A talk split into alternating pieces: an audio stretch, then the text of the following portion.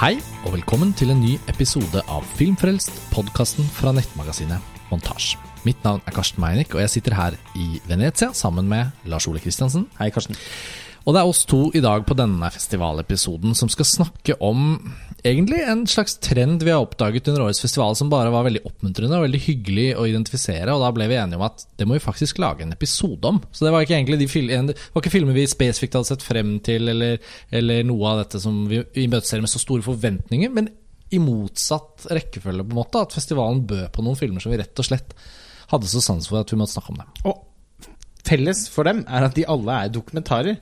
Ja. Og uh, i det hele tatt så er det en del av de titlene som vi pga. filmskapernes uh, både At vi har personlig forhold til dem, og at de har en viss status, altså som Alexander Payne og Darin Aronofsky mm. uh, Det er jo mange av de som har levert ambisiøse ting. Under pari. Ja. som vi likevel har blitt ganske skuffet over. Så høydepunktene for oss har egentlig vært eh, Ja, det er jo ikke helt noen egen seksjon, da. De har bakt inn i litt ulike typer programmer. Mm. Men hadde det vært en dokumentarseksjon Mm. eh, i Venezia i år, så ville den eh, satt, av, altså satt hovedprogrammet i et ganske dårlig Eller den, den ville i hvert fall Hovedprogrammet ville havnet veldig i skyggen av det, fordi vi har til sammen sett fem dokumentarfilmer. Ja, eh, vi har faktisk sett seks, men det er bare jeg som har sett den sjette. Men det kan vi komme tilbake Ja, til senere. Men vi har sett fem det. dokumentarfilmer, Ja. begge to. Og tre av disse filmene er helt i toppsjiktet. Toppkarakterfilmer med på hver sin måte helt enestående gjennomføring innenfor det de velger å fokusere på. Veldig forskjellige filmer. Så i denne episoden skal vi faktisk bare rett og slett formidle litt rundt disse filmene. Det blir ikke sånn detaljdiskusjon om, om liksom sammenhenger nødvendigvis. Og som sagt, eller som du sier, de er jo spredt over forskjellige programmer. Men det er i hvert fall en stor glede å kunne melde at uh, Venezia-festivalen i år uh, har, har satt noen virkelig uh, eksemplariske dokumentarfilmer på programmet. Og det er en glede at de alle har vært så bra. Skal vi begynne med den første vi Ja. så? Vi kan begynne med én og én, eller så kan vi nevne alle og så begynne på en av de, kanskje. Jeg hadde litt lyst til å bare lese opp de forskjellige. Gjør det. Eh, fordi den første av disse som vi da så, det, det var en, eh, en film vi for så vidt ønsket å se da vi så den var på programmet. Det er laget en dokumentarfilm om den japanske komponisten Richi Sakamoto. Filmen heter Richi Sakamoto Koda. Han har jo nylig bemerket seg for et stort publikum med filmmusikken til The Revenant av Alejandro González Iñárritu, men eh, var jo allerede fremme eh, i filmkunstens verden da han komponerte musikken til eh, Den siste keiseren, som han vant Oscar for. Ja, eh, og Merry Christmas, eh, Mr. Lawrence, er det den heter? Til Nagisa Oshima. Ja, og dette var jo på 80-tallet. ehm, og senere har han en egentlig hatt en jevn og trutt karriere. Altså Han har komponert musikk til mye film opp igjennom, men han er jo også en, altså en samtidskomponist. Ja, det er jo kanskje Eh. det han, det jo det han først og fremst er. Eh, men fra tid til annen så komponerer han også filmmusikk, eh, og han har komponert for flere Bertolucci-filmer. Eh, og ikke minst for to Brian De Palma-filmer, 'Snake Eyes' og 'Femme Fatale'.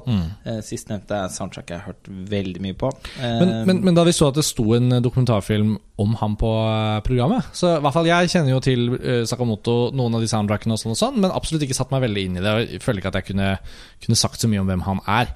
Og da var det jo desto større glede at denne filmen både gir oss en virkelig nær og sterk og gripende skildring av et menneske, uansett hvem han ville vært, men også er det en av disse herlige eksemplene på en dokumentarfilm som evner å virkelig portrettere og si noe klokt om kunstnerisk prosess. Altså kreativitet i, i form av en komponist som jobber med å finne et uttrykk som, som som er en forlengelse egentlig av hans egen tankevirksomhet og filosofi rundt det stedet han er i livet sitt til enhver tid. Så den, den, den er naturlig å starte om. Vi kan egentlig bare starte å snakke om den nå, så kan vi ta de suksessivt. Nå, helt- nå kommer vi liksom i gang. Ja, det er helt utrolig film. Eh, altså Jeg er heller ikke Jeg er godt kjent med Sakamotos musikk. Den har jeg hørt mye på. Også de tingene han har laget som ikke er filmmusikk.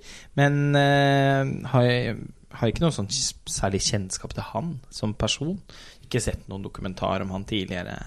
Eh, og Nei, altså Så det var virkelig følelsen av å bli kjent med noen. og, og komme tett på en stor kunstner. Og på ganske mange plan. Altså, vi får eh, For det er en veldig spennende del av oppdagelsen av filmen, hvor mye den har å fortelle. egentlig. Ja, fordi den begynner jo på en måte med at han veldig åpenhjertig forteller at han er syk. Han har kreft. Eh, og at det Den eksistensielle omstillingen som det innebærer for ethvert menneske som rammes av noe så grusomt, eh, eh, var for han på en måte helt Altså han som man bare forteller at han Han trodde ikke på det, altså han fornektet det, men har etter hvert begynt å innse at sånn er det, og han vet ikke helt hvor lenge han kan leve. Han har da en, en type av sykdommen som gjør at han kan leve ganske lenge. Altså 10 år, 15 år, 20 år. Hvis behandlingen fungerer, så kan på en måte det Og kreften ikke eh, Sprer seg og sprer sånn. seg og har, Så- får tilbakefall, sånn, så kan han leve med det.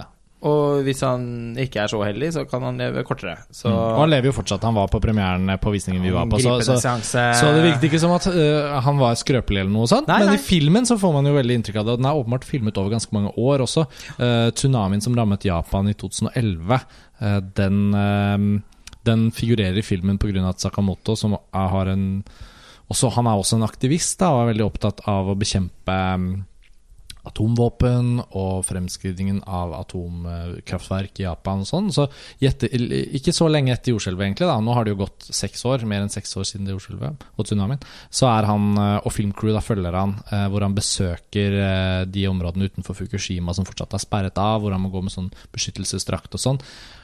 Og han sporer bl.a. opp et flygel som har overlevet tsunamien.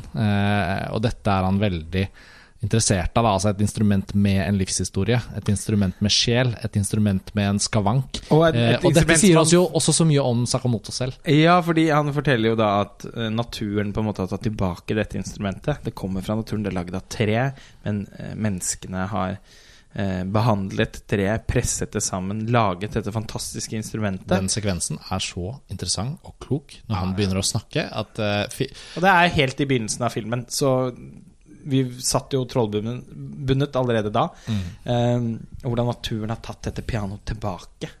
Eh, og, eh, og at det fortsatt, selv om det da ikke lyder sånn som det skal lenger, så har det fått en klang som for han er vel så interessant. Og så forteller han om sykdommen sin, og hva det har gjort med måten han jobber på, fordi han har ikke den samme arbeidskapasiteten som tidligere, samtidig som han aldri har følt et større behov for å etterlate så mye som mulig, i tilfelle han forsvinner. Mm, mm. Eh, og det vi ser, er en mann som er eh, En aldrende mann som er bare helt sånn usedvanlig eh, klok og altså vis. Eh, og på en veldig sånn japansk ydmyk måte så deler han tanker om eh, livet og verden vi lever i, på en måte som eh, er vanskelig å ikke bli veldig revet med av. Og det oppleves som han er i slutten av 50, tidlig 60-årene. Han er ikke eldgammel, men han er på en måte i en fase av livet hvor f.eks. man kan bli rammet av kreft. Jeg er helt enig med deg at, eh, at filmen Altså nærheten filmskaperen har til Sakamoto selv, gir jo enormt til filmkvalitet. Det er ikke på noen måte en distansert film hvor, hvor, hvor han setter seg ned for et intervju, og, og vi får, får gjenfortalt det hele, på en måte. Her føler vi at kameraet, Sakamoto selv, og den, det livet han lever, er veldig intimt og nært. Og han er ikke omgitt av så mange mennesker, han er ikke omgitt av noen familie, på en måte. Vi kommer ikke inn på det. Han er veldig, i veldig stor grad skildret i filmen, i hvert fall, som en kunstner som er opptatt av det han holder på med, som tenker over livet sitt, men som også har da en fase av livet sitt hvor han er i en, i, i en eksistensiell ikke vil jeg si krise, fordi Nei, han uttrykker ikke det. sånn. Han har en veldig ro, men han har blitt Ja, han har fått noe å tenke på som, som han har lyst til å uttrykke i kunsten sin. Og dersom han bare Han har jo et veldig gripende parti hvor han sier sånn Kanskje kan jeg leve 20 år til? Kanskje kan jeg leve 10 år til? Eller kanskje kan jeg leve bare ett år til? Det er viktig for meg å få laget den musikken jeg vil. Og, liksom, så han har, og, det, og det at vi får være med på denne fasen da. Det kan godt hende filmen egentlig utspiller seg over et par-tre år, fordi vi får også se at han er i gang med å skrive musikken til The Revenant. Og da har han egentlig fått diagnosen og vet at han har en veldig komplisert behandling som gjør at kapasiteten reduseres. Men han klarer ikke Men å han har så stor respekt og sans for uh, Alejandro González Iñárritus filmer og han som en kunstner at det å bli invitert til å være med og jobbe på The Revenant er så stort eh, at han ikke kan si nei, og at han må.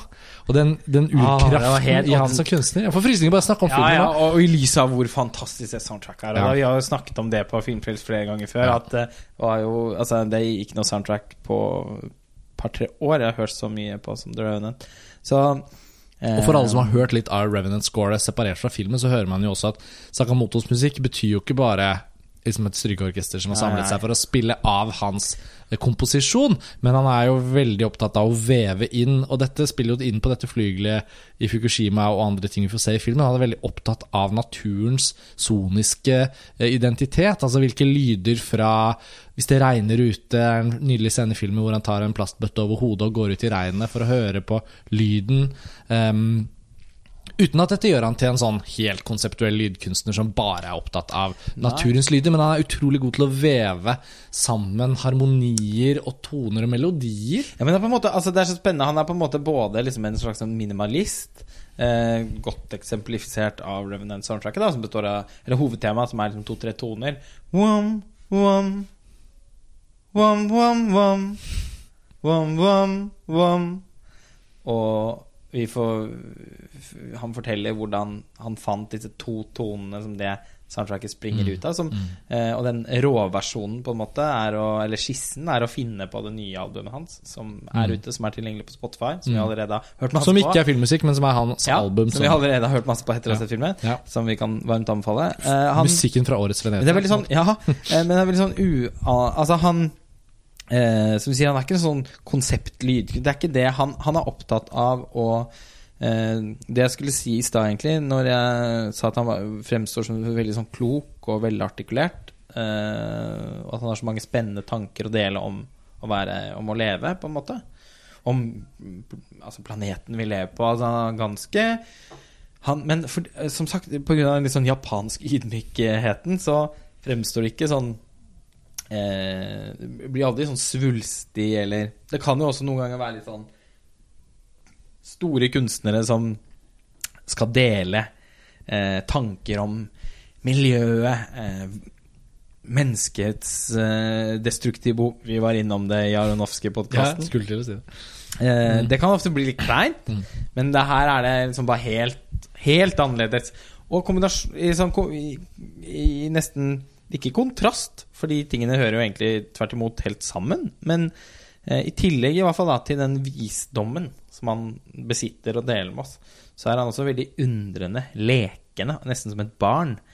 Og det virker som at hans liksom, livsfilosofi, hans språk, er musikk og lyd. Mm. Og for han er det ett. Så han, når han lager en eh, Og han kan ha noen på en måte liksom forbløffende enkle komposisjoner, men da er han til gjengjeld veldig opptatt av hvordan klangen er, hvordan det lyder, hvilke teksturer det skal være på lydsporet. Altså, det å se han i studio og alle disse merkelige tingene han brukte til å rasle på, slå på, stryke med hånden over Altså, eh, han hør, Han hørte jo liksom lyder og musikk overalt. Han går ut i skogen, slår med pinne på liksom en eller annen bøtte. Eh, noe Altså noe metall som ligger der. Altså Hele tiden er han ute etter å finne lyder som han kan bruke til noe. Ja, det er jo en film som også eh, åpenbart eh, klarer å portrettere Sakamotos eget kunstnerskap som spennende og interessant, og vi får se han som kunstner i hans prosess. Men jeg må også si at da han som har laget denne filmen, um, Steven Nomura Shibble, helt ukjent navn for meg, men han må ha hatt en, en tilgang på og en tillit til og fra Sakamoto. Altså, du føler veldig ja, det, Og det føler jeg er, er sjeldent, men det er veldig gøy å se når en dokumentar kan nyte av den kvaliteten som ligger på et mellommenneskelig plan mellom, mellom på en måte objektet og den som lager dokumentaren. Og, og dette er en av den typen dokumentarer hvor man kjenner at det ligger en sånn varm Sikkert fordi Sakamoto er så skjønn, man skjønner jo hvor, hvor, hvor flott fyr han er. Eh, men det ligger en sånn mellommenneskelig tillit bakenfor hvordan filmen er laget, som jeg føler man kjenner på. Man kjenner at han har tilliten til at disse filmskaperne kan jeg åpne meg for. Men de er også i stand til å legge denne filmen i mitt toneleie på en eller annen måte. Jeg syns filmen klarer å være strukturert, klippet, fortalt innenfor Sakamotos eget liksom, tempo, som gjør at når filmen stopper opp og lar oss bare høre på musikken hans, så savner man ikke at narrativet skal springe videre fremover. Man savner ikke å få vite flere detaljer. De sekvensene som hopper litt tilbake i karrieren hans og viser han i dette elektropop-bandet i Japan og i, i, prosess med å få skrive filmmusikk, for han ble egentlig castet som skuespiller av Oshima eh, til den eh, Mr. Lawrence. Og fikk også skrive litt musikk, og så fikk han skrive liksom, hovedtemaet. Og Last Emperor samme, men Bertolucci Der skulle han, jo egentlig bare stå for noe diegetisk musikk ja, i filmen. Og spille en liten rolle, visstnok. Ja, og spille en liten rolle. Og så var det et, et, en strykekvartett eller noe i en scene i filmen som skulle spille noe random musikk, og så fikk de han til å skrive det. Ja, Og så dro han hjem, og så ble han oppringt igjen. Du, forresten, vi trenger noe mer. Og så endte han jo opp med å lage hele Og, og det er jo liksom arkivsekvenser, men de passer veldig godt inn. Og det er jo herlig for oss. cameo ja, ja, å spotte der. Må vi jo nevne, det, Altså at, uh, for de som har hørt mye på oss snakke om film, så er det jo ingen tvil om at en, film, en komponist som Hans Zimmer uh, står vårt hjerte nær. Senest nå med Dunkerque i sommer. Og når Sakamoto da er i studio i London, og, og da er filmen sånn Bertolucci ringte, Jeremy Thomas, produsenten, ba meg om å skrive mer musikk. Så forteller han. ikke sant, Lene, for han syntes det var så gøy. Det var sikkert herlig minne òg. Og at det var nesten med tilfeldighet at han fikk gjøre så mye på Last Emperor, og til slutt vant Oscar da, for beste originalmusikk. Men da kommer det et sånt herlig videoklipp hvor noen har filmet noe bakom materialet eh, mens Sakamoto og orkesteret i London da spiller inn filmmusikken. Og da panner kameraet forbi en del folk i musikkstudio, og både du og jeg sånn på sekundet gjenkjente En ung Hans Zimmer! Ja. som satt der. Og det var så herlig. Var det, det var ikke viktig for filmen, selvfølgelig, men det var uansett gøy å se at man blir kjent med Sakamoto og hans hvordan han har hatt en tilhørighet til forskjellige typer miljøer som komponist. da. Altså, denne type filmer blir ikke bedre. Eh, og det er en Altså, det er ganske sjeldent å se så bra portrettdokumentar, og man blir jo jævlig inspirert, da, til å Man får ikke lyst til å høre på noe annet hele høst enn Sakamoto. Mm, og mm. Eh, man blir inspirert til å se filmer han har komponert musikken til, som man ikke har sett. Absolutt. 'Sheltering Sky' av Bertolucci, som brukes på en sekvens av filmen som også er en veldig filosofisk modus. Og virkelig gjorde inntrykk. Som hadde gjort veldig inntrykk på Sakamoto? Ja, nettopp, for han forteller selv at eh, ja, den filmen betød jo veldig mye for meg å jobbe på, fordi den forfatteren husker jeg ikke navnet hans eh, på stående fot. da Han har også et parti av den boken som filmen er basert på, eh, som blir lest. Og, og, og den refleksjonen der stakk Virkelig, og den passer godt inn i filmen da Vi snakket masse om det etterpå. Ja. Flere, jeg har nevnt den mange ganger i dagene etterpå. Et filosofisk tema her i Venezia oss imellom. Så, så, jo, denne... Vi stoppet opp og så på en fullmåne eh, ved en av kanalene her om dagen. Kanskje bare bruke sånn istedenfor å se på mobilen, bruke ett minutt og se på den fullmånen. Fordi hvor mange fullmåner ser man egentlig nå? Mm. Altså Hvor mange fullmåner ser man egentlig i løpet av livet? Han kommer inn på en tematikk som er kjempe ja. Vi kan ikke gjengi sitatet, så det blir parafrasering, men, ja. men uh... Selv man tenker på en måte at alt er endeløst. Mm. Uh, så hvis det er f.eks. en film man elsker, uh, har veldig stor interesse for, så tenk på ah, altså gud, jeg skal jo bare den, den skal jeg jo se og se og se og se. Men så er kanskje sannheten at i de fleste tilfeller i hvert fall, kanskje skal du bare se den tre ganger til før du dør. Mm. Eh, kanskje skal du bare spise en bestemt matrett ja. 30 ganger til mm. før du Altså, ho! Det var ja. sånn på en måte helt enkel, men utrolig slående filosofisk poeng ja. som gjør Stopp en veldig takk. Altså, denne filmen får til så jævlig mye! Til å være på en måte tilsynelatende så liten. Ja! Mm. Eh, og den kunne så enkelt bare vært en sånn parentes på en festival som man syns var interessant fordi man liker Sakamoto, og fordi det er masse bra musikk i filmen, selvfølgelig, mm. som man nyter å høre på. Men det var så innmari mye mer enn det, og det ble umiddelbart et uh, høydepunkt under festivalen. Definitivt. Veldig gøy å se Sakamoto i salen motta ti minutter trampeklapp og applaus. Det var ekte stående applaus. Ekte. Meget rørt eh, mann som sto der, som også sånn veldig japansk sto og tok imot applausen til det uendelige, men også Overydmyk. veldig ville vekk. Oppfordret publikum til å slutte Ja, å klappe. sånn, det- Publikum fortsatte. Ja. Det var veldig sterkt. Det var flott å se. Så, men det, er, ja, det, var den, det var den filmen som Av de, den første i rekken av dokumentarer hvor vi bare ble Wow, dette er jo festivalens uh, høydepunkt til nå.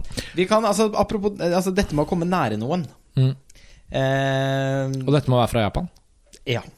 Det leder oss Bringer oss over på en annen til en ganske annen film. Den dukket opp kort eh, nå her om dagen i denne uh, Aronofsky-podkasten vår, bare som et eksempel på, på, på grusomme film Altså grusomheter skildret på film.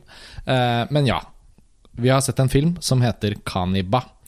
Og eh, dette er eh, eh, en film som lever opp til på en måte beskrivelsen av eh, festivalfilm hvor grenselandet mellom svært kunstnerisk, kompromissløst uttrykk møter kinofilmens ja, rammer. Videokunst møter Ja, kinofilm. kan man si. Og, men det er en dokumentarfilm også, da. Så det er på en måte alle de tre. Og ikke veldig overraskende med tanke på hvem som har Nei, laget den. fordi dette er jo en film som er laget av regissørene Verena Paravel og Lucien Castin Taylor.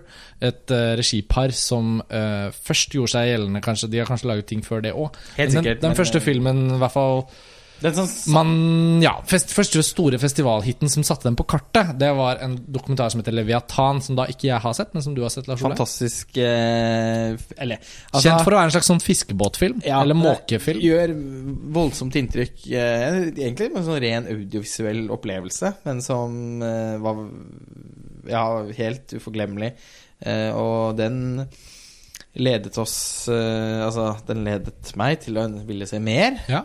Paravel og Taylor. Ja, eh, og og senest for bare et halvt år siden, under Berlinalen, så spottet vi at de hadde et nytt prosjekt, og det var gøy. Og For det var litt sånn, Da lo vi litt og tullet litt, fordi den var i et spesielt eh, gå i halvsirkler rundt det-program i Berlin som heter Forum Expanded. Det er de filmene som, er, som ikke er brede nok for forum. Og forumsideseksjonen er allerede smal. Ja.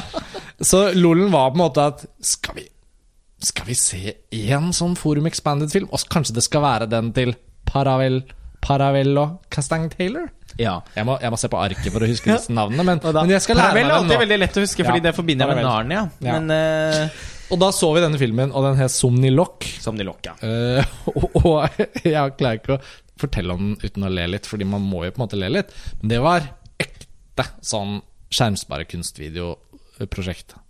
Det var det. det Ikke dårlig, men Nei.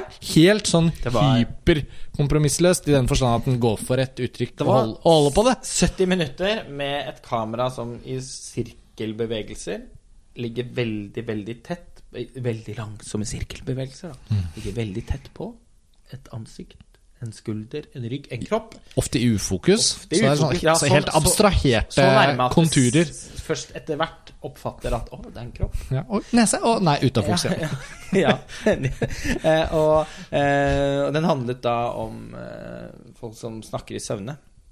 Så lydsporet er ganske interessant der. Altså, det, var en veldig sånn audiovisuell opplevelse. Ja, sånn men altså, det gjorde inntrykk. eh, Og vi kan tulle med det, men vi var veldig enige om, husker jeg, i Berlin da, for et halvt år siden Det var veldig mange som sov under som, Ja, som de lokker. jeg tror- jeg, jeg tror kanskje aldri jeg har sett fullt Det er jo ganske Dere som sitter her hjemme, syns sikkert dette er Og som ikke reiser noe særlig rundt på filmfestival, syns sikkert det er en sjokkerende opplysning. Men det er faktisk veldig vanlig at uh, journalister sover under festivalvisninger. Det har gjerne å gjøre med at eh, særlig i Cannes og Venezia sånn, så er det jo fryktelig varmt, da. Så eh, man blir gjerne litt sånn Dårlig rytme på mat og drikke.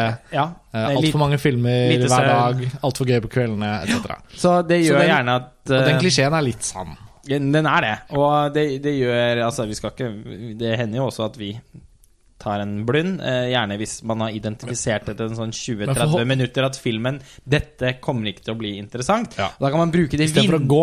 Ikke sant? Da kan man bruke, Istedenfor å gå da og bli mer sliten, så kan man bruke det vinduet til å hente seg litt inn, samle litt energi.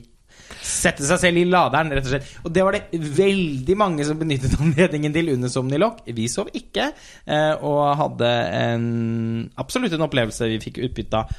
Og som vi brakte med oss inn i eh, denne, Deres nye film. Deres nye film Ja. Men det, Kanniba. var, men det føltes Ja, Kaniba. Og det føltes fint å, å, å trekke den lille liksom regissøroppsummeringen der inn i denne nye filmen. Fordi uh, vi så den på programmet, og det har vært litt forhåndsbuzz fordi den handler om en ekte kannibal. Og da, det er jo en god pitch. Det er ikke til å komme unna.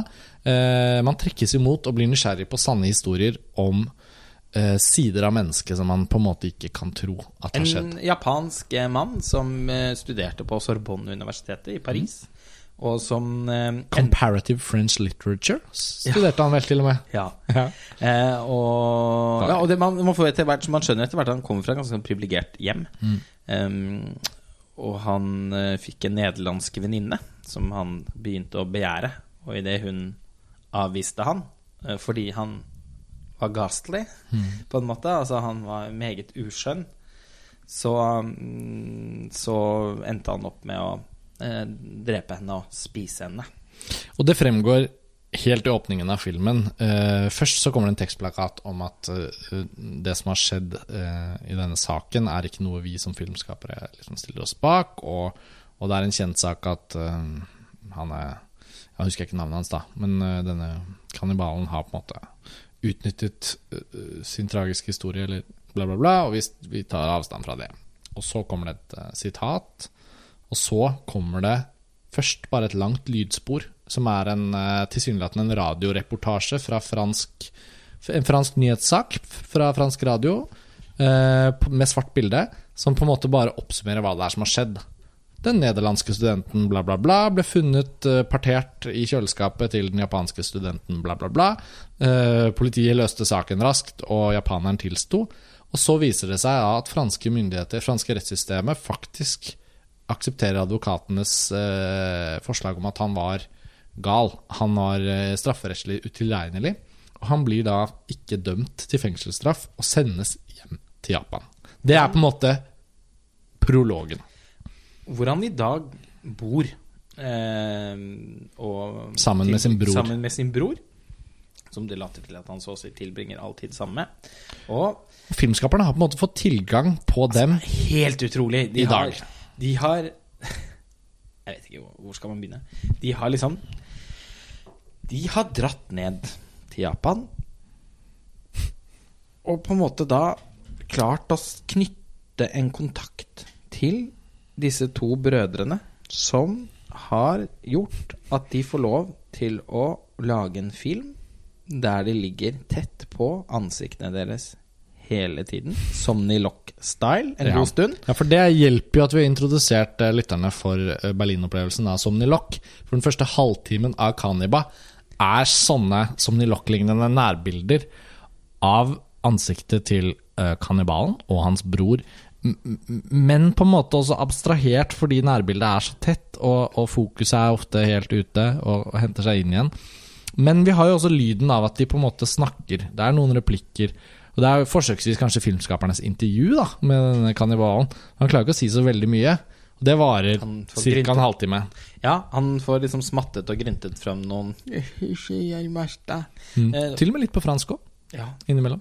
Eh, og han er, har et veldig sånn motbydelig eh, Ikke bare han. Han har jo åpenbart gjort noe helt eh, forferdelig, da. Så man ikke Leser jo det man er inn- ikke, man man leser det inn i, hans i ansiktet ut- hans, ja. men, men han har et veldig sånn motbydelig oppsyn som kamera er veldig interessert i, men Mm. ikke interessert i å vise oss i et totalbilde eller på en konversasjon. Altså, han, de på en måte utforsker ansiktet, gestene hans, veldig lenge. Eh, og den første halvtimen kan gi inntrykk av at filmen kanskje ville bli litt for mye som Nilok, men Morsomt i stad. Eller på den podkasten om Mother var det vel Pernille som sa at Mother burde vært 20 mer Kaniba. Eh, først så tenkte man kanskje at hm, er denne 70% for mye som Nilok? Men så eh, skjer det noe. Vi får se også den ganske sånn blurry. Eh, det er akkurat som de liksom har nesten filmet selv en avfilm... Altså En avfilmet en TV-skjerm Hvor det spilles av en pornofilm. en veldig drøy pornofilm som han da sitter og ser på. Eh, med noe watersports og noe eh, og, Altså filmen er, bare, bare altså det, det er en umiddelbart uhyggelig film å se. Og etter hvert som den skrider frem, så går den fra å være en uhyggelig film til å bli en ubehagelig film. til å bli en uhyggelig og ubehagelig film uten sidestykke. Og man ser på en dokumentarfilm så, så, som så tydelig viser at dette er ekte mennesker. Det er liksom ingen distanserende grep. Det er ikke noe postmodernitet eller ironi eller eh, Den er så ingen, tett på. og ingen forklaring. Og ingen totalbilder, ingen luft, ingen kontekstualiserende elementer. Ingenting. Det er bare en følelse av å være hypernært inne i leiligheten til en kannibal og hans bror. Er som å tilbringe en en og en halv time i det svarteste helvete. Ja, og det er heller ikke sympatiske anekdoter om hvem offeret var, og hvor sympatisk hun var og sånn. Ikke noe av det. Og jeg mener til dette verkets fordel som kunst, så er det utvilsomt mer interessant at vi får se en film hvor den nåværende virkeligheten til en mann som er kannibal, og som for 35 år siden drepte og spiste et annet menneske, men som fortsatt sitter i full frihet hjemme i Japan og kan på en måte Og drømmer om å spise mennesker. og drømmer om å fortsatt spise mennesker. Og han har også tegnet en sånn manga-tegneserie selv, hvor han gjenforteller i, i tegnede Med svært detaljert tablåer eh, historien om at han møtte om drepte og spiste denne nederlandske Det- studenten. Og i denne filmen så får vi altså se Det er en helt forferdelig tung, men også bra, da. Men altså grusom sekvens. Hvor kameraet bare ligger tett på en bok med da tegneserien han har tegnet. Og, og stille og rolig så blas det fra side til side, sånn at vi egentlig får følge da tegneserien. Og noen av Mens de han bildene forteller broren sin eh, litt sånn eh, rett, som, rett frem, på en rett måte. frem hva som skjer, og ler ganske mye. Og broren er, ler litt òg. Ja. prøver å si 'dette er noe av det verste jeg har sett'. This is a piece of shit. Men altså bare blar de videre og fortsetter. Så man aner jo også De at er så grusomme, de tegningene, at det er vanskelig å forestille seg hvor ille det er. Ja, altså, det må sies her. Ah, eh, Du og jeg oss imellom har sett tusenvis av filmer, og etter alle disse årene på festivaler, så får man jo også en viss hard hud på å se ting som er for drøyt til å gå på vanlig kino, eller ting du ikke ville anbefalt noen, men som på en eller annen måte er en del av filmkunsten. Da. Og det er en bra ting, på sett og vis, at, at man kan tåle veldig mange forskjellige uttrykk, og tragiske historier og grusomme historier om, å, om hverandre. Og, altså, det er jo litt det filmfestivalen er til for. Ja, og ja, det- også det- sånn, og dra vi- oss, eh, og, eh, skyve og dytte oss ut i ytterpunktene av hva Ja. film kan være. Så langt ut vet jeg nesten ikke om jeg har blitt dyttet noen gang. Noe mørkere enn denne filmen her kan jeg ikke Dette forestille er helt, helt, helt i Ja, skal vi si bunnsjiktet, av grusomheter. ja. Filmen er et stort kunstverk, føler jeg. Og, og, og nå er det ja, døgn siden vi den gjør jo så inntrykk, og det er så på en måte så er imponerende laget. Ja, den er Eh. veldig bra, men den er veldig jævlig. Og den er ikke bare litt sånn 'Å, den var jævlig'. Det er sånn Jeg følte nesten at det smakte vondt, og at det kjentes forstyrrende på en sånn Ikke sånn i kinosalen, men sånn på ordentlig. Han forteller også om eh, Han liksom kan liksom ja, han har liksom en litt sånn barnlig side òg. Han er veldig glad i Disney og Miyazaki. Liker ikke sånne mørke og triste ting. Det er han ikke noe glad i. Og så er han veldig glad i sjokolade. Så på et tidspunkt så blir han matet med en sånn sjokoladecroissant. Det var i hvert fall umiddelbart opp på førsteplassen på filmhistoriens eh, vemmeligste croissant. Ja, altså Aldri har en croissant fremstått mer vemmelig. Det var jo som å se noen spise menneskeben som knuste mellom tennene til en kannibal. Altså, Og så men jo, men ja. dette, er jo, dette er jo åpenbart eh, en, en blandet, eh, blandet anbefaling Altså, vi anbefaler den fordi vi skal formidle, vi skal både fortelle en om det vi opplever. Både en advarsel og en Ja. anbefaling. Så jeg vil jo, vil jo si at det, det hjelper anbefalingen at vi får sagt litt om det som er i filmen. Jeg føler at det er lettere å anbefale den hvis man har beskrevet en del sekvenser sånn som vi gjør nå. Så nå må ingen føle at liksom filmen svis av ved at vi eh, den. for det kommer faktisk faktisk en twist, eh, om man kan kalle det det. Ja, jeg vet ikke om vi skal snakke Nei, om den altså, eller ikke. nei, det er derfor jeg eh, tenker at vi kanskje ikke skal snakke om Nei, den, Det trenger vi ikke gjøre. Det trenger vi ikke gjøre. Jeg føler vi har sagt nok. Så vil den være Altså, de har fått en såpass Altså, de har jo fått et navn, disse filmskaperne. Ja da, ja så det er jo ikke, Altså, det er jo ikke usannsynlig at den vil bli utgitt på DVD eller Blu-ray. I hvert Mm. fall så får det bli opp til skjebnen å avgjøre om den skal vises på noen norske filmfestivaler. Jeg mener definitivt at den burde det. Eh, men det, den, det, det er et slags vendepunkt her som gjør at det blir enda mer uhyggelig Ja, for, bekmørkt. for, for da vi begge allerede følte at denne filmen var helt i det dypeste mørket, og man kjente at dette er ganske forferdelig portrett, men interessant fordi Forhåpentligvis kan man aldri se det i sitt eget liv, liksom. Og så, og så kommer det en vending i filmen, og så tenker man er det mulig? Og så går den enda lenger ned. Så, så det skal, det, og vi vet jo at mange av våre lyttere selvfølgelig er de blant de mer eventyrlystne uh, cineastene. Så jeg mener jeg håper jo og tror at mange av de som hører på, kommer til å få sett Kaniba på en norsk festival. føler meg helt sikker på. Og, uh, og som sagt, eventuelt da på, bare på Blu-ray DVD. Men uh, den Det er verdt å nevne at de har også fått i sin besittelse, da, øh, filmskaperne, ganske mye filmmateriale fra disse to brødrenes oppvekst. Mm. Ja, selvfølgelig. Det er også en sekvens det som er viktig å trekke fram. bidrar jo Ja. ikke minst til å illustrere at, det- altså, at det er, de kommer fra en ganske sånn eh, privilegert eh, bakgrunn. Bare det å ha et filmkamera, tror jeg, til å på filme hjemme på den tiden. Mm. er ganske spesielt. Og åpenbart filmet masse. Mm. Så åh, man, man vet Altså, vi kjenner På det altså, tidspunktet i filmen så vet man ganske mye om Man eh, minnes jo ganske. Og, godt da man begynte å dykke inn i hvem denne uh, Anders Behring Breivik var etter eksempelvis. 22. juli. Ja. Og man, det kom disse bildene fra barndommen, barnehage, barnebursdagsbildene, hvor det var én som så ut som han ikke var helt med, som de andre barna.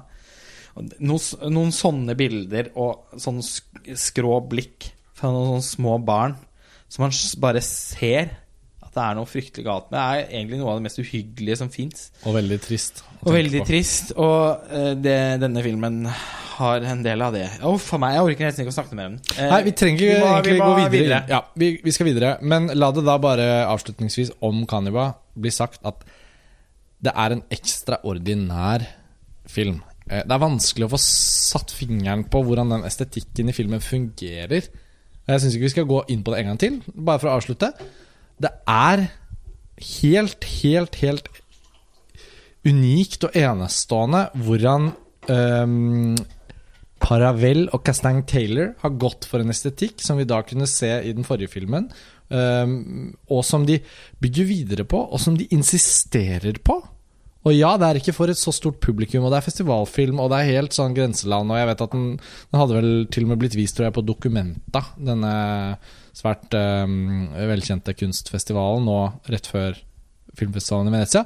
Men det er likevel en ekte sånn kinofilm. Den må ses på kino. Hadde man sett denne på en screener hjemme, det hadde jo bare slått av. Eller tatt på pause, eller avbrutt. Men det å liksom bli tvunget til å bare være i det, er nettopp det som gir oss den transporten over i ja, en og en halv time med ondskap, eh, som man gjerne hutt, vil kjappe seg ut av.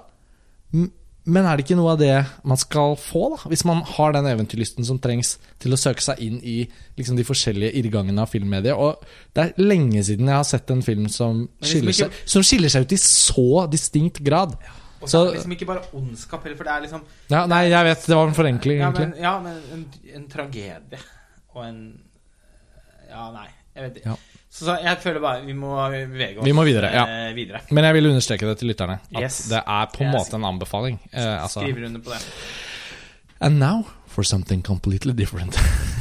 Sjelden har det passet bedre. Bøker. Ja, Nå skal vi til eh, rett og slett en legendarisk filmskaper. Fredrik Wiseman. 87 år gammel dokumentarist som på en eller annen måte ser ut til å være mer produktiv eh, Han er litt sånn i sin Clint Eastwood-modus. Kan ikke du gi oss en kort sånn, bare for de som ikke vet hvem Fredrik Wiseman er?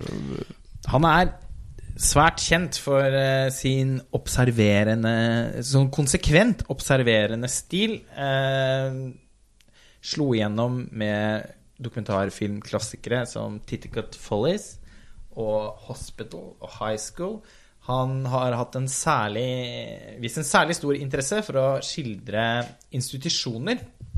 Skoler, eh, sykehus, eh, ballettakademi, eh, National, et eh, National Gallery, en film han lagde for ikke så mange år siden, så videre. Eh, for de av dere som eh, så 'Barndom' av Margaret Olin, så så hvis dere også leste analysen som ble publisert på montasje av professor i filmvitenskap Gunnar Iversen, så skriver han ganske mye om Fredrik Wiseman der. Og der skriver han egentlig mest om hvordan Margit Olin og Wiseman sine kunstneriske prosjekter har på en måte flere forskjeller enn likheter. Men Margit Olin har jo aldri lagt skjul på at Wiseman har vært en veldig viktig inspirasjonskilde for henne. Hun pleier å nevne Fredrik Wiseman og Stefan Jarl som er vidt forskjellig. ja, de er ganske forskjellige. To uh, store mm, dokumentarguder. Mm. Så um, Og Wiseman har jo opprettholdt en imponerende aktivitet. Ja. Uh, han har jo jevnlig kommet med uh, sine som regel tre timer pluss lange dokumentarfilmer de siste årene. Vi hadde to omtaler til og med, husker jeg, på montasje at Berkeley som bl.a. ble vist på filmfestivalen i Tromsø mm. i 2014. Og han viste In Jackson Heights um, om dette området i New York. Mm. Uten, altså litt sånn ute, utenfor bykjernen i New York. I 2015 hadde premiere i Venezia. Den så mm. jeg her. Mm. Um, og med Ex Libris sin nye film så uh, Altså, det er jo en, noe, noe, mer typisk utgangspunkt for en Wiseman-film enn eh, et folkebibliotek, eh, er, kan man vanskelig forestille seg. Overraskelsen er egentlig at det har tatt så lang tid for han å lage en film om New York Public Library. Fordi han er jo en New Yorker, eh, så vidt meg er bekjent. Og um, institusjonsfilmen hans, sånn sett, hvis man sier f.eks. filmen om um, ja, altså ballett, eh, La Danse. La Danse, eh, balletten i Paris, som jeg så på Oslo Internasjonale Filmfestival for eh, ja seks, syv, åtte år siden. Jeg husker ikke helt. Nei. Men um, den, den, gjorde veldig inntrykk fordi det var også min første Wiseman-film. Så det var noe med å bare akseptere at er det, er det dette som er filmen? Fordi det må jo da sies for de som ikke vet det, at hans innfallsvinkel er på en måte basically at kamera blir Det er ingen som henvender seg til kamera, og det er nærmest på en måte usynlig. Det er en slags flue på veggen. Um, ingen intervjuer hvor noen har satt seg ned og ser i kamera og svarer på spørsmål etc. etc. Og den var også veldig lang. men fascinerende. Er, ja, men samtidig som man er på en måte mer opptatt av Man er jo heller ingen sånn Eh, og det ligger jo til den observerende stilen nå, egentlig. Ja. Altså, han er jo ikke noe sånn distinkt poetisk dokumentarfilmskaper heller. Nei, men mange, altså, det er jo ikke mange... atmosfære nødvendigvis som står i fokus i de fleste av de Weissman-filmene jeg har sett. i hvert fall de registrerer mer bare mm. hva som foregår Samhandling i rom. Mellom Samhandling mennesker. mellom mennesker. Det er han veldig opptatt av. Menneskers oppførsel. Eh, på en måte litt sånn Det er litt som å se på mennesker i et terrarium, ja. på en måte. Eh, I situasjoner som er typiske, som regel for de menneskene som vi ser på i den rammen som han har satt for filmen. Ja. Som i dette tilfellet er bibliotek. Nettopp. Og, og, og denne Ex Libris, som er hans nye film, den, den, den, stilte seg jo da i enda et hjørne, og det var så gøy. Altså Plutselig så hadde vi Sakamoto-dokumentaren, Kaniba og Ex Libris, tre ekstremt forskjellige filmer, som ble vist på tre dager, liksom. Og så sitter man igjen med en følelse av at fy faen, så spennende dokumentar uttrykket er, når man får se tre så forskjellige innfallsvinkler, som alle tre på hver sin måte er en toppfilm. Da. Og Ex Libris er jo da eh, et helt glimrende eksempel på hvor godt Wisemans metode og innfallsvinkel fungerer til å si så mye om ikke bare New York Public Library, som det så bokstavelig talt handler om. Den amerikanske folkesjelen. Altså, ja, dette, og, og, og var... mellommenneskelig oppførsel, betydningen av kunnskap som et fundament for hvordan et samfunn kan vokse. Det var så mange store og gode spørsmål som selvfølgelig aldri bokstavelig talt blir reist av en, en rollefigur, men akkumuleringen av scener vi får se, blir til en veldig dyp og, og rik Altså et storverk i alle ordets betydninger. 195 minutter langt. Ikke et sekund kjedelig. Og vi har sett ganske mye kjedelig fiksjon her nede. Uh, han, og veldig betimelig. Altså En sånn godt timet film. Nå har, det vært, nå det, nå har vi levd eh, med, under liksom Særlig de par siste årene utrolig mye sånn vulgarisert tabloid fremstilling av hva USA er for noe. Eh, knyttet til selvfølgelig denne Donald Trump og eh, rustebelte og stemmene vi aldri hører fra USA, og egentlig er det mye mørkere enn Og ja da, alt det er selvfølgelig sant, men det er også utrolig fint å få se en film som spiller på å vise fram helt som bare uh, uten å late til å ha noe sånn altså, Det er ikke noe polemikk her, eller noe sånn type noe politisk agenda engang. Det er bare å vise eh, vanlige mennesker som eh, Som enten bare havner i situasjoner og lar seg Og, og er interesserte, lyttende eh, Anvender det tilbudet som biblioteket er. Det er egentlig en sånn rørende aktivitet i seg selv. ja, og det er veldig rørende å se Folk det på fra film. alle eh, klasser, mm. fra alle Samfunnslag og bydeler i og New York. bydeler. Og New York er jo også en veldig multikulturell by, så man får jo også veldig inntrykk av ultimate multikulturelle byen. Ja, det er jo det. Og det fanger det denne melting filmen. pot, som Ja, det heter. Og det, nettopp. Det har vi alle lest i engelsk, ja. på ungdomsskolen. What Og is a melting pot? Ja, a bowl of salad.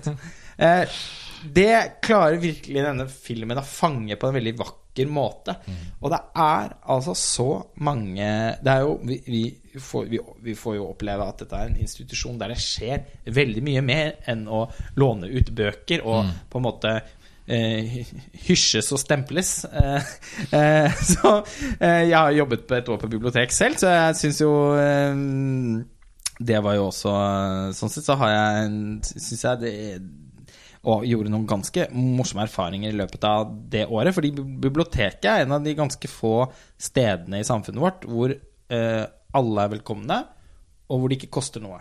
Mm.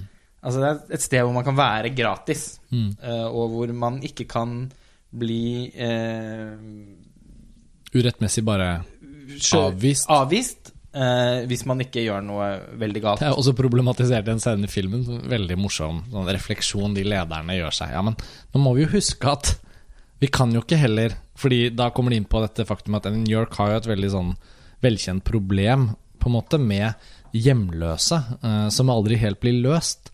Eh, og alle er mennesker, så er, og særlig i dette eksempelet hvor de ansatte på biblioteket snakker om hjemløsproblematikken i New York, så er det åpenbart at alle rundt det bordet har sympati med det faktum at dette er mennesker i samfunnet vårt som faktisk ikke har et sted å være. Altså, men men biblioteket, biblioteket kan heller ikke ta det sosiale ansvaret for å gi dem et sted å sove, på en måte. Og da blir det en sånn veldig sånn interessant refleksjon hvor de er sånn Men hvordan kan vi da likevel yte dem den tjenesten som alle har rett på? Ja, Ja. Og, det er, og det er ganske utrolig hvilke situasjoner man havner utenfor bak en sånn bibliotekskranke. Jeg ble veldig overrasket og eh, var vel 20 år. Eh, og ble havnet i noen situasjoner som jeg var ganske uforberedt på å håndtere, men som ga meg masse livserfaring. Eh, jeg husker f.eks. En, en dame mm, som, som var veldig interessert i et tema. Og jeg, og jeg brukte lang tid på å finne Jeg husker ikke hva slags tema det var. Jeg brukte ganske lang tid på å gå ned i, eh, i magasinet, som det heter, og finne titler for å liksom vise henne hvilket mangfold vi hadde å tilby. Eh, men hvor hun endte på å måtte takke nei til alle bøkene jeg foreslo, fordi de var for store. Du skjønner at jeg bor i et så lite hus, så jeg kan bare låne små bøker. Fysisk små. Altså, ja. Hvor lite er det huset? Mye, pok mye pocket, da. Nei, men altså, det var ikke snakk om måten, Jeg husker måten hun liksom viste det med hendene, var sånn Å, du mener sånn miniatyrbøker? Helt, det er noe av det villeste jeg Bitte, bitte, bitte små bibler med bitte, bitte liten skrift. ja, Apropos bibler, jeg husker det var noen en gang som skulle printe ut noen Som, jeg, mm, som jeg måtte hjelpe de voldsomt med. Eh, Illuminati. Eh, sånn organisasjon. Mm. En meget spesiell trosretning. Mye konspirasjoner rundt Ja, det som eh, Hvor de skulle komme inn på en, klikke seg inn på en nettside og printe ut eh, noen tekster derfra, og hvor de tilbød meg å få eh, et eksemplar.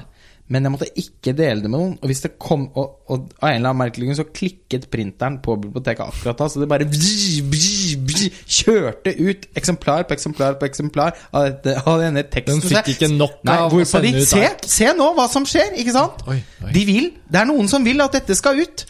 Men du må ikke Du, du, må love meg at du brenner dette.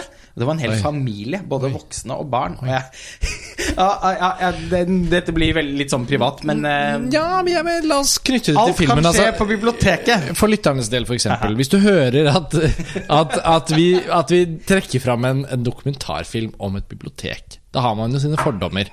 hva, hva, hva kan det være? Altså Hva utspiller seg i en sånn film? Og så er det dette med Frederick Wiseman og hans metode og sånn. sånn Så hvis vi har illustrert det noenlunde vellykket nå, da, så, så har vel også de som hører på et bilde av dette, en film som på en måte observerer i forskjellige rom.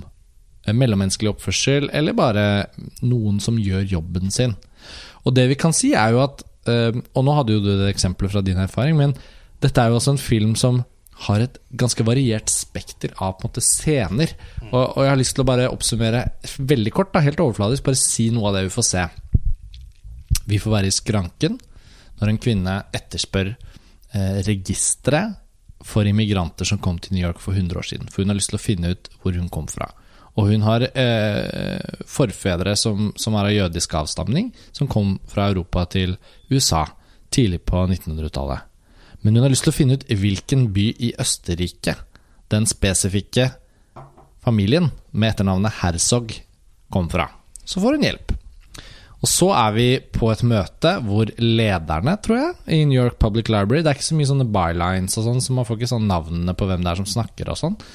Men de legger strategiske planer for hvordan de bedre kan jobbe strategisk for at offentlige penger fra New York by som gis til driften av New York Public Library, kan være med å motivere private givere, som igjen kan være med å finansiere andre biter av driften. Og det igjen kan være med å skape insentiv for at byen skal kunne gi mer penger og sånn. Så her har vi også en ledelse som jobber med Ja, ja, man kan ikke ta det for gitt at biblioteket til enhver tid har den finansieringen den trenger. Og så får man være med på en veldig rørende scene, for det er et sånt pilotprogram på New York Public Library for å bidra til at flere newyorkere har internett hjemme. Å, den var fantastisk. Og da er vi liksom på en fløy ut i Bronx, en helt sånn For New York Public Library er jo dette veldig kjente hovedbiblioteket på Fifth Avenue, men det er også veldig mange avdelinger, og filmen eh, reiser jo raskt gjennom kjappe sånne montasjer rundt omkring. Vi skal til. Bronx, vi skal til Brooklyn, vi skal til Staten Island, tror jeg også på et tidspunkt så det stokker på det. Og så får vi se denne veldig rørende sekvensen i skranken på ganske, sånn- en ganske liten filial, somewhere in New York, hvor en familie, eh, mange står i kø, får utdelt sitt sånn mobilrutermodem og får forklart ja, men datatrafikken det er så og så mye. Og da snakker vi jo rett og slett om et ganske rørende flott program, da, hvor biblioteket tilbyr gratis utlån i hermetegn av internett. Som ikke da eh, kunden betaler for. Men er, du har bare 6 gigabyte inkludert, og nå må du passe på med streamingen. Og hvis du deler dette nettet med noen andre, så er det sånn så, og, og dette forplanter seg Neste enda gang vi drar til New? York og Ja. vi vil liksom montasje derfra, Ja. så får vi huske på dette ja. tilbudet. Men så er det så, og så plutselig er vi nede i kjelleren hvor de skal digitalisere gamle kart, og så får vi se en sekvens om det og sånn. Så det er, dette er jo en film, da, Ex Libris, som virkelig eh, byr på mange elementer av dette. For biblioteket er også et sted for lesegrupper. Og det er også et sted for, for folk som møtes for å ta en sånn de gamle møtes for å danse på fritiden, og det er også sted for konserter. Så det, er Altså, den scener i denne filmen ja, det er, med ja, den- Treblåserne. Treblåserne med obo Det var i Bronx. i front. Mm. Det tror jeg kanskje er det morsomste jeg har sett på film i år. Bort, I hvert fall i bortsett fra eh, mange av scenene i The Square, da, mm. som jeg lo veldig høyt av. Men det, det går lenge, lang tid mellom at jeg ler så godt. Fordi eh, kontrasten Det var en mellom ubetalelig scene. Ja, altså, må beskrive det. kontrasten mellom treblåserne som det ser ut som hodene deres skal eksplodere, så mye luft de blåser inn i disse små munnstykkene. Og det er jo treblåsernes paradoks. Fantastiske lyden, da, som De- skaper dyktige De ofte trykk De ofrer sitt eget trykk i kinn og hode for å lage fin musikk. Ja, og det er på en måte gripende å se hvor mye Hvor på alvor de tar oppgaven, og hvor uengasjert publikum er. Det er mange Det er som som har satt seg inn dit bare for å sove. Salen er jo ikke packed.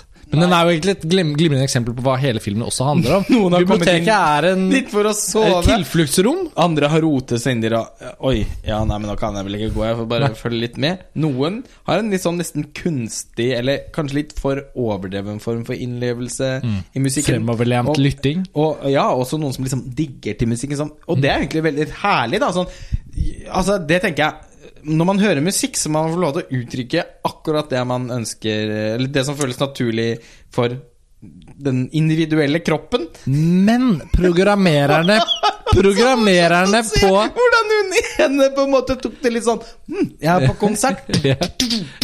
Ja.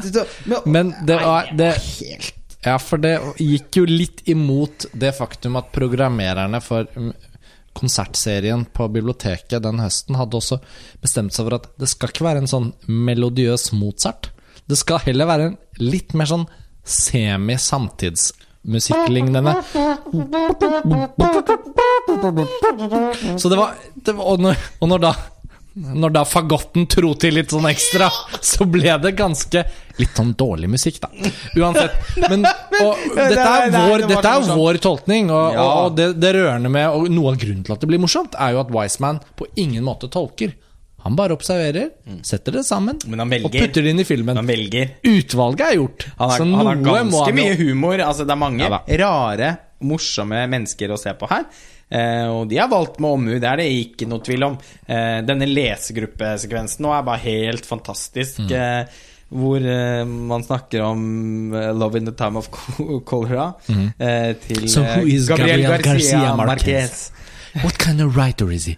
Uh, uh, Julia, what did you think of the book? There was a lot of love making, but not that much love. There were like there were too many ins and outs in beds for my taste. You know, this is Og så kommer en annen. This really captures what it what it's like to be in a relationship that is not Altså, det var Det var rim, som du sa. Eh, hvisket under visningen. Mm, rimelig mye bedre enn den bokklubbsekvensen i Rosmarie. Ja, det var den forrige bokklubb- eller lesegruppesekvensen Lese- jeg hadde sett på film. Um, men nok en gang, altså, det han får til med å inkludere alle disse elementene i Ex Libris, er jo å brette ut et utrolig flott, da, en slags mosaikk over hvordan denne institusjonen fungerer, og ikke minst hvilken betydning den har, helt åpenbart, for hverdagsmennesket. da New Yorkerne som ikke jobber på Wall Street.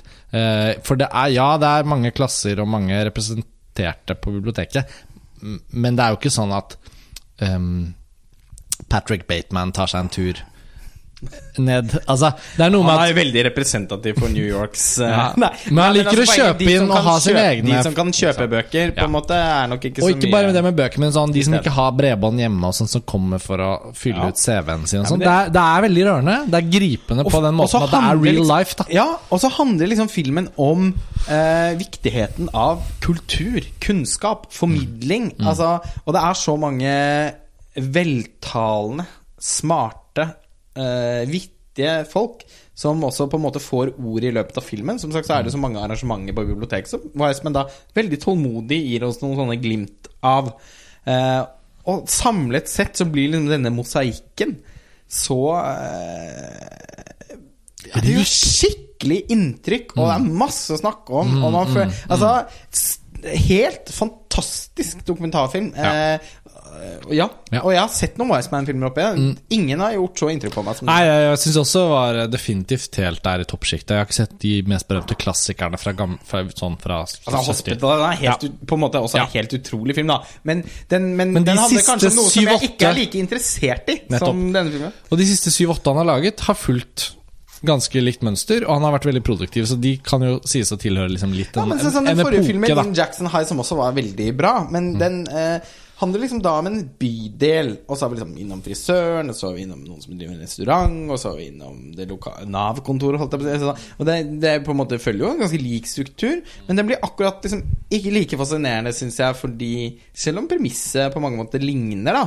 og den handler også om å skildre eh, ja, en sånn type mosaikk av et samfunn, så syns jeg ikke den fanget det, det er noe med Biblioteket blir en veldig fin ramme og en god avgrensning. Jeg syns han klarte virkelig å fange liksom New Yorks sjel også. Det er jo også et innmari fint portrett av New York. Og det handler ikke bare om at det er noen sånn herlige bilder fra Bryant Park, på en måte, der hvor biblioteket ligger. Men sånn virkelig Altså, det var en levende Sånn, sånn er New York. Ja, og, Eh, og, og menneskene i filmen var New Yorkere. du følte det så skikkelig. Ja. Så det, nei, dette var den tredje da av dokumentarer på tre dager som virkelig slår oss som toppfilmer. Og det inspirerte oss jo litt at det ble de, dette temaet for denne episoden, fordi vi følte liksom at ja, altså Man kan jo gå inn her og snakke om en av disse filmene i en enkelt episode av Filmfrelst, men på sett og vis så føltes det så fint, og det er så deilig å kunne konkludere med fra en festival som dette og si at nå var det veldig mye bra dokumentar, og de skiller seg fra hverandre. Og de siste vi skal snakke om, litt kortere, det er jo ikke det at ikke de er noe bra filmer, men de er på en måte litt mindre i litt mindre grad verk, men ikke noe mindre herlige å se. Og Den første av de, det er da den filmen som vi får si at den heter Jim and Andy. For det, den har en veldig lang tittel, en sånn undertittel med en del lols eh, bakt inn. Som er en dokumentarfilm om prosessen som Jim Carrey hadde med å, å tolke eh, å, å jobbe med rollefiguren Andy Kaufman for filmen Man in the Moon, som ble regissert av Milos Forman. Det var vel 1999, tror jeg, eh, den filmen kom. Eh, og Jim Carrey trenger jo ikke noen introduksjon, men hans, hans gjennombrudd i 1994 med tre filmer, Ace Ventura, The Mask og Dum og dummere, som alle tre ble sånn megablockbustere, og alle tre kom i 1994, og alle tre hadde Jim Carrey i hovedrollen. Han ble liksom nesten sånn over natten en Ja. verdens best betalte skuespillere. jeg husker det jo helt- rimelig godt, for jeg var tolv år gammel. Ja. Og, og sånn karrieren til Jim åtte, Ca- ja. men for å si det sånn, husker jeg like husker det, jeg òg. Og Jim Carreys karriere da fra 94 til 99 gikk jo gjennom alt fra Ace Ventura til Dum og dummere, Liar Liar, um, Er Truman Show. eh, Cable Guy Ja, men også opp til The Truman Show, som da plutselig hvor folk plutselig satte bremsene på sånn Oi, men han er jo en skuespiller. Ja. Det var han selvfølgelig hele tiden, for oss som elsket han. Elsker han. Men det var jo noe med at Truman Show var sånn ja da. Det var fordi, det store For det første så er det jo et sånn mesterverk av en film, men, og den er jo så visjonær. Og, ja, og så fantastisk på så mange måter. eh, høyt oppe på 90-tallslisten. Eh, men også Jim Carreys første film hvor han får vist At han har en annen side. Ja, at han kan, kan ta skrittet fra fra å være en helt genial komiker og, og et klovneansikt, et gummitryne, bla, bla, bla, men at han har noe på hjertet, og at han har en sjelelig inngang til å faktisk spille en rollefigur.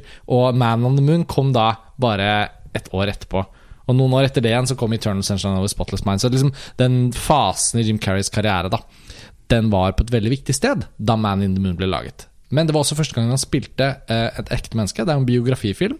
Og Andy Kaufman var jo da en innflytelsesrik komiker som døde av kreft, dessverre, men som hadde noen år på 70-tallet som var helt spesielle. Jeg har ikke noe forhold til Andy Ikke Kaufman. jeg heller. Eh, Og Så det kan ikke jeg si noe om, men denne filmen handler veldig mye om Jim Carreys prosess, og det har man et forhold til. Altså Jeg må bare innrømme at jeg har aldri sett Man in the Moon av Milos Forman. Jeg eide den på DVD i veldig mange år. Uh, og, og jeg har heller ikke sett Man in the Moon av Millers eh, Forman, så det er jo noe på- av paradokset og humoren har her. Den. Det er bare tilfeldig, egentlig. Ja, det Jeg har, jeg har vært klar over den siden den gikk på kino i ja. 1999. Ja, jeg.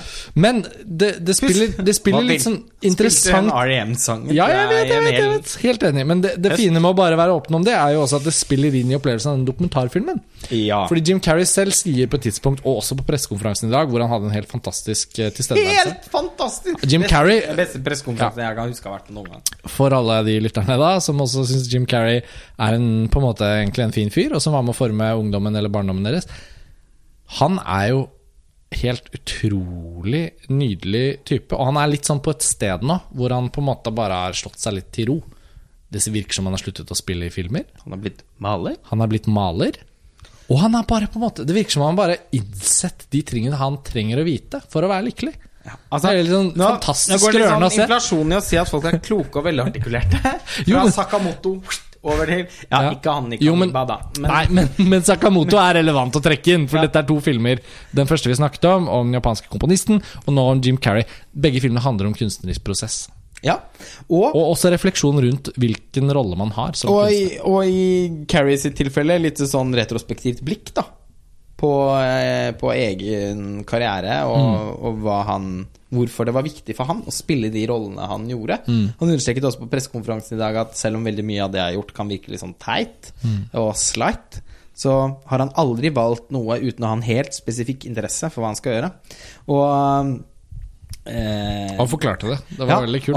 Han er, altså så god til å fortelle og ha så spennende refleksjoner rundt det han har gjort. Da, at man blir helt sånn Man får på en måte et nytt forhold til Jim Carrey etter å ha sett den filmen og Jeg har egentlig vært på den pressekonferansen òg. Ja, Hvis du kan virkelig misunne Ja, Carrey-fansen der eh, Ja, fordi ute, den, var det, var det må sies spesielt. at den pressekonferansen fungerte som en direkte forlengelse av filmen. De gjorde det. Og På, han på absolutt mest poengterte vis. Ja, virkelig. Og Carrie var jo også opptatt av å si at den filmen Bakom-materialet til Han opplevde hele tiden at behind the scenes-materialet til Man on the Moon var kanskje den mest interessante filmen. Og han hadde, forteller jo også i filmen på et eller annet tidspunkt han tenkte at egentlig så burde filmen vært en slags hybrid mellom det og det som er i filmen. Det kunne jo Nå har vi jo ikke sett filmen, så du kan ikke si noe om hvorvidt det ville gjort den til et mer spennende filmverk eller ikke. Det kan hende den er aldri så spennende sånn som den er. Men eh, altså eh, Han omfavner da en eh, sånn karakter som Andy Coffman spilte, Ja, som heter Tony. Clifton. Ja. Og, og det er ikke bare én karakter i omløp her heller. Det er det som er veldig fascinerende med den skuespillerprestasjonen som Jim Carrey har levert da, til Milos Formans film. Fordi det dokumentaren vi så i dag viser, det er jo da at han gestalter Andy Kaufman. Det er greit. Det er liksom han det handler om i denne biografifilmen. Andy Kaufman hadde særlig én, men også flere, men særlig én eh, meget velkjent rollefigur i sitt repertoar, som er Tony Clifton. Han gestaltes også av Jim Carrey. Og det herligste med dokumentaren, som er bygget rundt over 20 timer med bakomopptak som ikke har vært vist noen gang Dette er ikke opptak fra DVD-ens bakommateriale.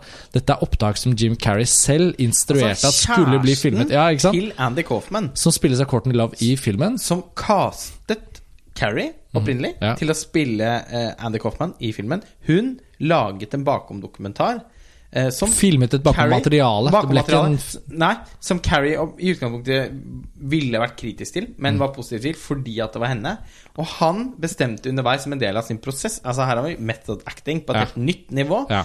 Og bare liksom innta for å, for å smake ordentlig på denne, særlig da denne Tony-karakteren. eh, Clifton-karakteren, Så eh, når han var i med sminke Nesten sminke sånn at han nesten er helt ugjenkjennelig, og kostyme som Tony Clifton, så, så var han i rolle. Og på, på en eller annen måte er liksom dette Jim Carreys Tony Erdmann-fortelling. Fordi på samme måte som Winfried i, i, i, Ja. i Marinades beste man, man ler jo bare av å tenke på den. ja. Liksom helt kompromissløst bare blir Tony Erdmann.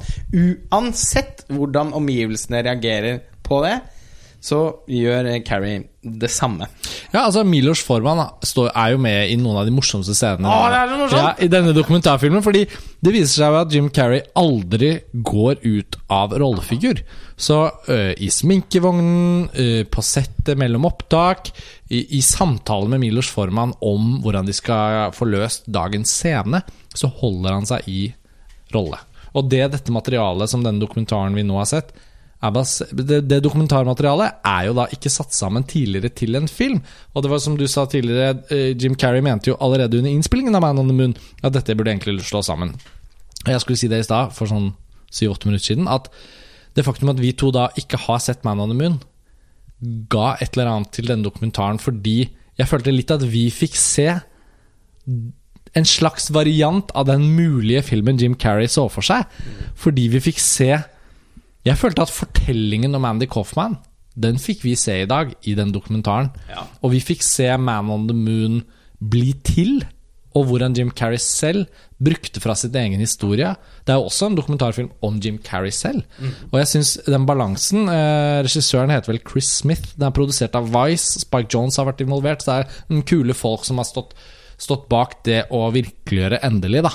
Potensialet som har ligget i dette materialet. Det har ligget begravet i 20 år, liksom. Men også, det virker så innmari som om denne dokumentaren har blitt virkeliggjort på et tidspunkt hvor Jim Carrey også selv er på et sted hvor han virkelig reflekterer rundt ting. Og det var der pressekonferansen begynte å tester ut ting. og tester ut ting. Altså, eh, ja Altså, se Milos Formann sin oppgitthet. Kombinasjon Oscar-vinneren fra fra Gjøkeredet og Am- Amadeus. Amadeus. To ganger Oscar-vinner for meritterte tsjekkiske nybølgen. Så står han der. Og er en kombinasjon av total, altså sånn eksplosiv frustrasjon og anerkjennelse. Fordi han innser jo også at filmen han lager, vil in the long run ha godt av dette. Han nekter jo på en måte å stanse Carrie, men samtidig som hver eneste dag blir på sett blir han komplett uforutsigbar og veldig anstrengende. Det er en scene hvor Jonas Forman har tatt seg noe mat opp på en sånn food truck og går ned en trapp. Litt sånn sjanglete med den mat. Og ser så, sånn ser en sliten mann ut. Er Altså, altså han så sier det jo også. I'm very tired. I would just like to talk to Jim. But he's not around anymore. Fordi det, virket jo som i perioder at han bare var Tony Clifton. Og, og, da, og han, veldig, og det må jeg også si, han er en veldig forferdelig person, da. Tony Clifton. Ja, det er det. Tony, Tony Erdman Clifton. Ja, men da, ja, Det er umulig å ikke tenke på. Og- de, og Tony Herman er jo en pusekatt i sammenligning. Ja. Men det er Tony også er sånn- forferdelig. Han må gjøre det kjempevanskelig for alle. Og en av Andy Kaufmans næreste samarbeidspartnere var en fyr som het Bob Shmuda, eh, som også er en rollefigur i filmen, spilt av Paul Giamatti, altså i Man on the Moon. Men i dokumentaren så er altså Bob Shmuda tilstedeværende fordi han er en av de som er med og filmer denne bakomprosessen til Jim Carrey. Så Jim Carrey har jo også da tilgang på altså ikke ekskjæresten, men kjæresten som var sammen med Andy Kaufman til han døde, som er eh, dokumentarfilmskaper selv, og som filmer Jim Carreys prosess, og denne Bob Schmuda. Så det betyr at liksom, parallelt med at Man in the Moon lages, så får også Jim Carrey i rollefigurer som Andy Kaufman på en måte opplevd en del av Andy Kaufmans virkelighet. da. Han møter søsteren blant annet i en sånn sykt rørende scene hvor Jim Carrey, i rollen som Andy Kaufman, gir Andy Kaufmans ekte søster en klem. Og Andy Kaufmans far får møte Jim Carrey, men i rollen som Andy Kaufman. Så det er veldig mange sånne sammensatte metanivåer, men som også på en måte mest av alt er ganske sterke emosjonelle scener, da, som føles som genuine. Så denne dokumentaren eh, den evnet å virkelig vise at den fasen i Jim Carreys karriere, i hvert fall, og bakgrunnen for filmen Man on the Moon, har en veldig sånn rik og interessant kunstnerisk eh, Altså, tilblivelsesprosess. selv om denne filmen sånn på en måte har noen sånn skjønnhetsfeil som Og ikke litt helt er et verk. Den Nei, er mer sånn altså, den, ja, og det, og, story good told, på, eller well ja, told. på en måte. eller, ja. Og, og den har, kunne kanskje vært eh, strammet litt til, og man kunne på enkelte områder synes jeg kanskje fortalt historien enda litt bedre. Men likevel så ender det opp med å gjøre veldig inntrykk, da. Mm. Og um, helt til slutt, så fordi dette da er er en bakomfilm, Mm. så må vi jo da også nevne et av de herligste opplevelsene under festivalen. Det var morsomt, det var noen som tweetet um, i Altså, hvis um, Målt etter kritikernes reaksjoner. så virker det som at Michael Jacksons thriller i 3D er festivalens beste film. Ja, for den femte dokumentaren vi har lyst til å trekke fram, og det er jo veldig lill uh, runde på den, da. Men Ja. det er jo da at eh, her om kvelden så var det da en retrospektiv visning av John Landis thriller, kortfilm. Typ den Eh, mest innflytelsesrike musikkvideoen i historien. Ja. Og eh, jeg mener, en ting er jo at vi har sett thriller-filmen til John Landis, tror jeg nesten de fleste Tror jeg noe alle har sett, eh, på den eller andre måten. Men det var vel den nå fire år eller noe første Ja. gang jeg så den. den er jo nå restaurert eh, og postkonvertert til 3D. Og det å se den i en sånn teknisk uovertruffet god kinosal på filmfestival, med drithøy lyd, Ja, altså, det eh, det var jo litt som å se den for første gang. Blodet til å bruse. Fy Ja. faen, så bra det var. Og, og etter den Uff, eh, Nå blir det mange banneord. Ja, beklager. Men altså, etter at vi så den, så ble det også vist en bakomfilm. Som ble laget den gangen da den ble laget. da Så det var ikke en sånn retrospektiv bakomfilm, men en bakomfilm fra den gangen. Og jeg var litt sånn Det sånn det var jo sent. YouTube, det ikke Ja, jeg sånn var sent, og jeg sa sånn Vi kan jo se thriller og så gå. Men så så vi bakomfilmen, da. ja, det viste seg å være helt utrolig nydelig og rørende, da. Ja. Rett og slett. Det er jo så rørende å se Michael, eh, Ja. rett og slett. Og så var det litt overraskende å se hvor, hvor trivelig og skjønn han John Landis er. Det har jeg aldri Herregud, for altså, Jeg en- vet jo Jeg har sett mine John Landis-filmer, men eh, hva, For hva skjer med at han var så utrolig fantastisk skjønn? skjønn og morsom type. Ja, det ble litt sånn Og åpenbart med kjempekjemi med, Ja. med Tuller og fjaser med popstjernen. Er Løfter han opp ned og tuller med han. Og, og, og Rick Baker, som var veldig Åh. ung den gangen, som lagde maskene og spesial alle sminkeeffektene og sånn. Som sitter og, og kler Michael i sånn gummimaske og lager sånn avstøpning av ansiktet. og Are you okay, Michael? Han sitter der sikkert i tre timer med sånn Yeah, I'm fine. I'm fine. Han var så utrolig vakker. Castingen Michaels involvert, og vi får Jobber se hvordan de jobber med koreografien. Michael eh, svinser og svanser rundt i en sånn rosa Mickey Mouse-genser og bare er helt i hundre. Ja. Ja, altså, det er så rørende Ja. å se. Og som denne personen på Twitter åpenbart har observert, kritikerne reagerte med applauser underveis, hoiing og brusing i salen. Allsangene, Er det. Venetias mest populære film? Thriller av Michael Jackson, da. Dum, dum, dum, dum. Altså, og bare det å se uh, thriller i 3D Det var en kjempevellykket postkonvertering. Ja. Filmen også morsomt og, Litt sånn som Terminator 2, som vi så i Berlin og snakket om på en podkasten om ja, Lumière. Det var jo Ja. nesten på det nivået. Og, uh, og også, også, så, så, så, så skummel den er, da. Ja, altså, med den lyden. Med lyddesignet, Og det, sånn, ja.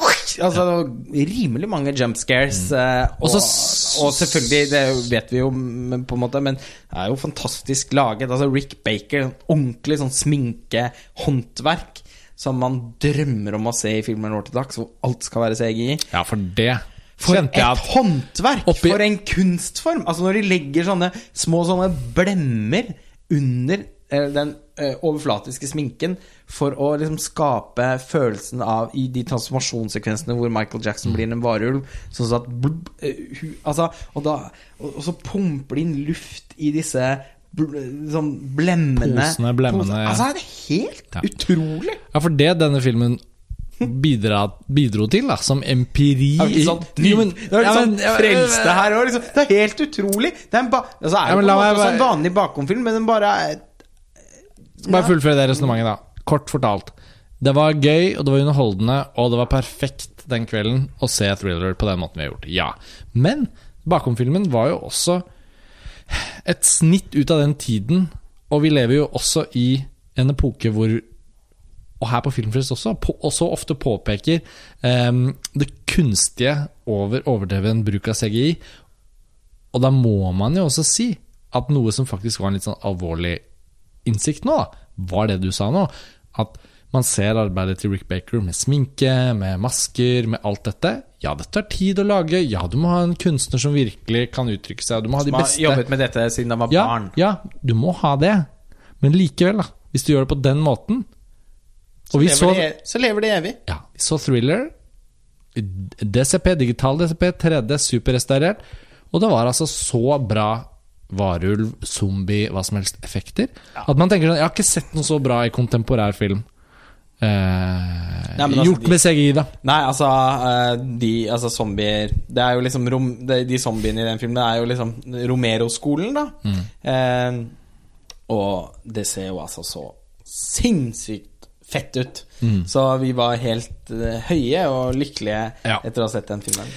Tom Savini er jo selvfølgelig som har eh, sminken i Romero-filmen. Så Altså Jeg skal ikke gi eh, Rick Baker æren for å ha funnet men- på men den zombie-estetikken, men fy, så gøy det var å se. Og, det, Ja. så, og det er Og Michael Jacksons kunstnerskap, som Ja, selvfølgelig. jo er, Hele begge hans. er veldig store fans av. Ja. Eh, ja. Nei, det var, eh, det var søren, så gøy det har vært å se dokumentarer i Venezia i Ja. år. Jeg håper det kommer noen nye dokumentariske lyspunkter i løpet av de Ja, siste dagene. det får vi også. virkelig håpe. Men eh, avslutningsvis da så skal jeg bare skyte inn at den sjette filmen som jeg nevnte helt i innledningen av denne episoden, som jeg ikke skal si så mye om, men eh, det var eh, den kinesiske billedkunstneren Ai Weiweis eh, dokumentar som heter Human Flow, som deltar faktisk i hovedkonkurransen.